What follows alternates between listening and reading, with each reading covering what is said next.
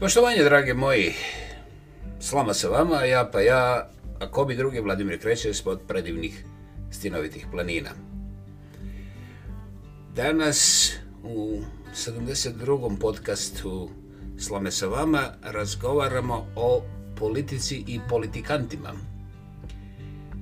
zapravo je to podjela koja je uglavnom samo nametnuta ili samo prihvaćena na opet uglavnom najbolesnije načine. To je ono što činimo sebi, ne primjećujući kako smo glatko prihvatili šibicarenje kao način rješavanja. Ne bih rekao problema, nego postavljanja temeljnih principa za nekakvu orijentaciju u tom društvenom življenju i preživljavanju koje je neizbježno jer e, živimo skupa čak i onda kada se ne volimo. Dakle, Podjela na nekakve lijeve, desne i centralne je podjela za vrlo primitivne mozgove koji e, vrlo rado povlače ograde koje su simbol rigidnosti, jer čim povučeš ogradu na jednoj strani su kao topli, na drugoj su hladni, to znači da, na toj ogradi hoćeš, nećeš, nisu samo kolizije, nego su i raznorazne kontuzije, odnosno da su napori na toj liniji razdvajanja ili definicija, pa čak i govorenja, uglavnom rastući, nekad brže, nekad sporije, ovisno o ukupnim kretanjima i da se tu ne mogu izbjeći sukobi. Mislim da se na ovome lako možemo složiti. Dakle, ja znam da je Gosen Schelling govorio da je svaka definirana grupa e, istoga momenta u suprotnosti sa svim oblicima ljudske slobode jer čim definiraš što znači postavio si ogradu, unutar ove ograde je ono što sam ja definirao, a izvan te ograde su svi drugi koji nisu a priori neprijatelji, ali u svijetu u kojem se sve kreće, doslovce sve, čak i one stvari koje ne vidimo, ta ograda odmah predstavlja prepreku, a svaka prepreka izaziva i traži dodatnu energiju da se savlada. Nagradno pitanje je da li je to potrebno, bi bilo puno lakše postaviti prije postavljanja ograde ili prije oprostite, e, prije seciranja ono malo prostora što nam je ostalo i postavljanja još jednog, pa još jednog, pa još jednog nekakvog definiranog prostora, bez obzira kako se on zvao. Ovo možete primijeniti na personalne odnose dvije osobe, isto tako može raditi sa državama ili čak sa kontinentima, pa onda širite dokle hoćete. Princip prilično dobro funkcionira na cijeloj skali mogućnosti.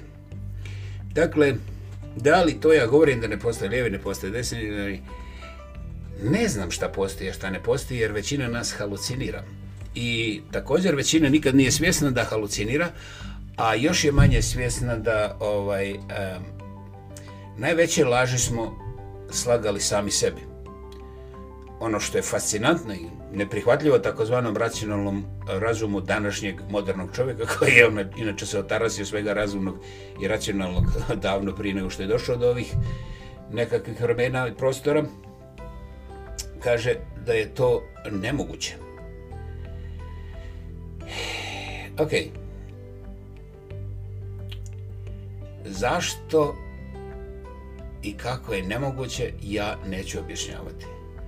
Međutim, ako postoji indikacija koja je prema antičkim zapisima stara preko 4000 godine, da čovjek uglavnom najteže laži i podvole čini sam sebi,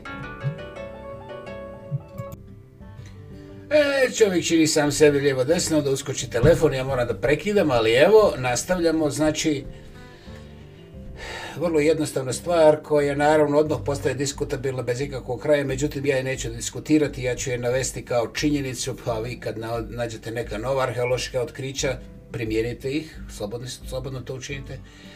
Dakle, iz najstarijih zapisa možemo vidjeti da je jedna od tih e, očiglednih stvari gdje čovjek uočena vrlo rano da čovjek najžešće prevare i laži servira sam sebi da li sam ja sa ovim eh, rekao kako prevaranti oko nas i ostali ti da ne, idem po skali kriminaliteta i bolesti nikud dalje od ovoga prvog koraka da ja sada kažem mi smo krivi za sve, ovi oko nas su pošteni i tako dalje.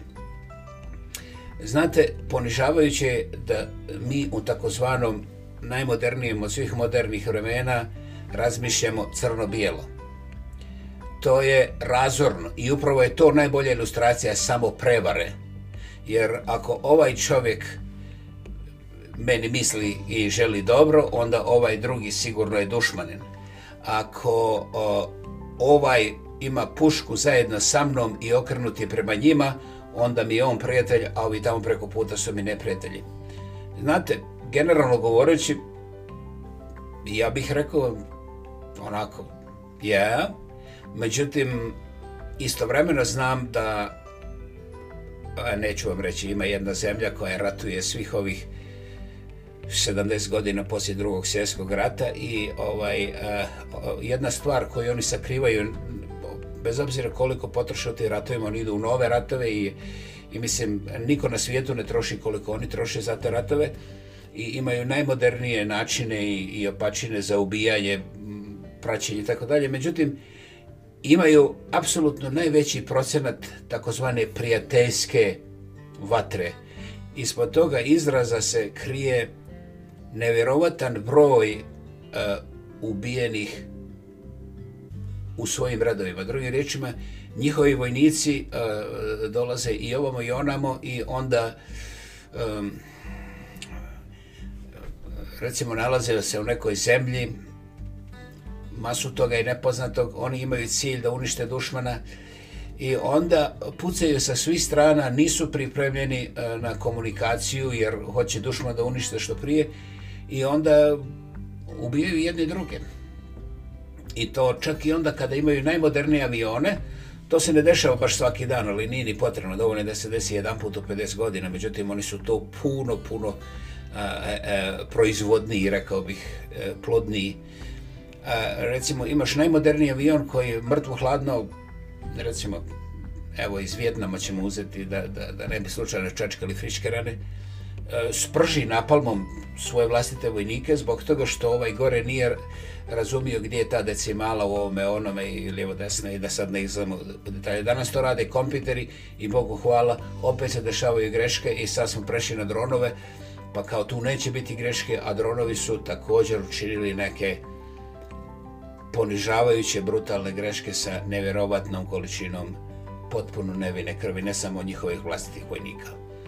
Dakle, ako ne vidite gdje su samo prevare, nećete nikada promatrati koliko one uništavaju vaš život i koliko vi bez da nekoga morate ubiti e, prisiliti i, trošiti energiju na bilo što drugo, koliko vi zapravo možete i trebate učiniti dobra sebi sa samo jednom stvari koja je, jeste samo jedna, ali je na primjer za mene dogačka cijelog života jer svi se krećemo, svi se mijenjamo tako da to nije formula koju imaš pa onda završiš danas i više nikada nego se mora uvijek gledati Znaš, ne možeš reći retrovizori mi trebaju kad se nalazim u fazi preticanja znaš, iako veći dio ljudi kad izađe na, na otvoren put i kad je sunčano u retrovizoru može da provjeri frizuru, vjerovatno. Ja to ne preporučujem. Ali ne možeš odrediti, znaš, ono retrovizor u autu mi treba samo za provjeru frizure ili kad sam u nekoj nezgodnoj situaciji.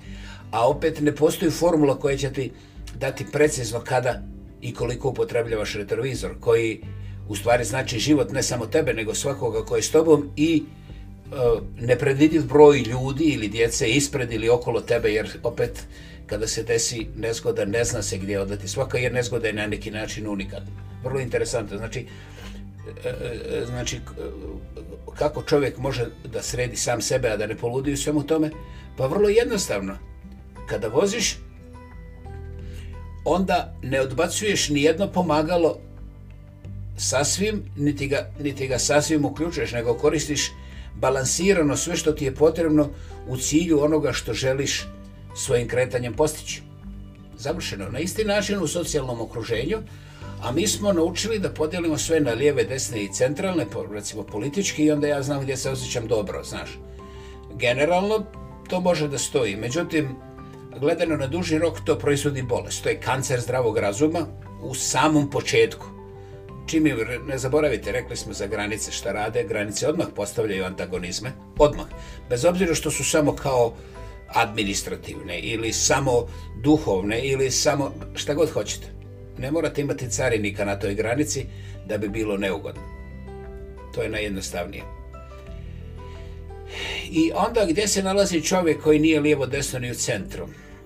Interesantno ako gledaš sa strane, on se nalazi na istom mjestu kao onaj na lijevom, kao onaj na desnom, kao onaj centru. Najozbiljnije. E, ovaj, e, evo recimo kad izađete da li hoćete na Jelačića placu u Zagrebu ili hoćete na, ispred Washington Capital, razumiš, i sada imaš četiri čovjeka.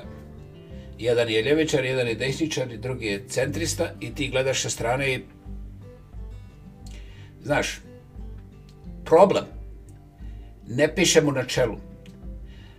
Pa kad je razgovara, razumiješ, tamo navuko se na nekakvu picu sa jeftinom pivom i ti odmah pitaš gdje je to bilo, e, ne možeš da prosudiš da li je ljevečar, da li je desničar, da li je centrista. Dakle, to bi bile dovoljne poruke da sve te podjele su u stvari samo imputirane. Mi prihvatamo da nam neko amputira mozak i da mi kažemo moj mozak je crveni ili moj mozak je plavi, a ovi svi drugi su onakvi i tako dalje. Toga istog momenta počinje ovaj, počinje eksodus zdravog razuma i ovaj, samim tim čovjek ponire sve dublje i e, što dublje ponire, oni sigurniji da su zato krivi oni tamo preko one crte i ovaj, kad jednog dana njima odbrnemo glavu, onda ćemo mi svi živjeti u raju i toga momenta je religija zauvijek isparila u realnom smislu jer je napravila suicid koji je sama odgajala. I zbog toga su religiozne institucije isprazne, šuplje i manipulirane od e, egoističkih e, e, samozaljubljenika koji vole da poziraju onim haljinama i onim, onim specijalnim kapama sa nekakvim zlatima i sviloma, šta je znam šta se već ne rade ti kostimi, mislim ono Mislim, svaka čaj, čas Luje u i ti drugi derani koji se bave stvarno sa modom, a ovi ovdje što, što se življavaju na nekakvim a, tobož tradicijama i svetostima, ujujuju. Dakle, da li ja kažem da nema lijevih, desnih ili srednjih, to je irelevantno. Ja kažem da čovjek treba koristiti svoj mozak i u tom prostoru je najvažnije da prepozna odakle mu ideja da ova ili ona granica garantira bilo šta razmislite nakon što se uzbudite, nakon što imate emotivne prolive lijevo ili desno, razmislite šta to znači. Da li ja kažem da vi trebate da zaboravite a, zaključate svoje vrate, jer to je isto neka granica navečer kad idete na spavanje ili ovaj, da treba biti potpuno goli bos pa izaći na zimu. Znate, to je ekstremizam. To je ekstremizam. Znači, neke stvari su nužne, ali one stvari koje su nužne danas nisu nužne sutra. Dakle, mi ne možemo zabetonirati jedan oblik nužnosti danas, koji će vrijediti ne samo za sutra, nego barem za sljedećih deset godina. To je najveći problem shvatiti da to ne postoji, jer nužnost danas, čak recimo oko nije ista nužnost koju ću možda imati na večer ili popodne. Dakle, onog momenta kada prihvatimo da je svijet oko nas u pokretu, permanentnom pokretu i da to nije komunistička dijalektika, a pogotovo ne ljevičarska prevara, nego da je to takozvana činjenica univerzuma, u stvari da je to suštinska demonstracija egzistencije, drugačije ni mi ne bi bili svjesni da postojimo. Apsolutno. Onda ćemo primijetiti da recimo ne postoji tamo nekakav demokurat koji je vlasnik naših sudbina. Ovdje ću skratiti. Otac demokracije je ispostavio uh, uvaženim kolegama u svoje vrijeme, znači govorimo o Sokratu, nekih 2200-300 godine ranije, ispostavio je svojim učenjacima okolo sebe ideju da ako svaki ovčar može da glasuje o onome što se dešava na moru, da to nije dobra odluka i da je to poprično šuplje i da može da uništi e, i ovčarstvo i one na moru i ovaj, e, da će se izroditi u cinizam i populizam. Govorimo o demokraciji, o ocu demokracije. E, glasovanje 500 tih porota je bila, da, porota, ali će zaboraviti se reći, pa bilo ih je, bilo ih je oko 500 i porota je u tadašnjoj antičkoj etini odlučila sa 52 prema 48, to je bilo podjela, da ga se lijepo skrati za glavu. I to je bilo strogo demokratski. Danas, preko 2000 godina kasnije,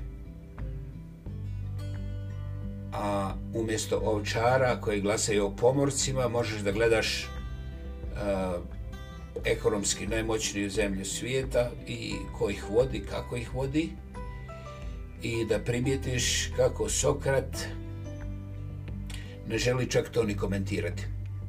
On je svoju glavu dao za demokraciju na početku i on je u miru rekao ono što mi živimo životinjarimo ili jedva preživljavamo. Vladimir Kreća, slama sa vama, ja pa bi drugi ispod da, da, taj Vladimir kreće ponovo, tako Ispod predivnih stjenovitih planina. Ne želimo ići dalje u ovom podcastu. Zahvaljujem na vašoj pozornosti, na vašoj posvećenosti, na vašem vremenu, a najviše na volji da razmislite sami za sebe. Neće biti ispitivanja, neće biti provjera nikakve vrste. Iskoristite male iskrice i onda uzgajajte svoj plamen u blagoslovu, snazi, zdravlje i sreći. Hvala vam. Vidimo se vrlo brzo.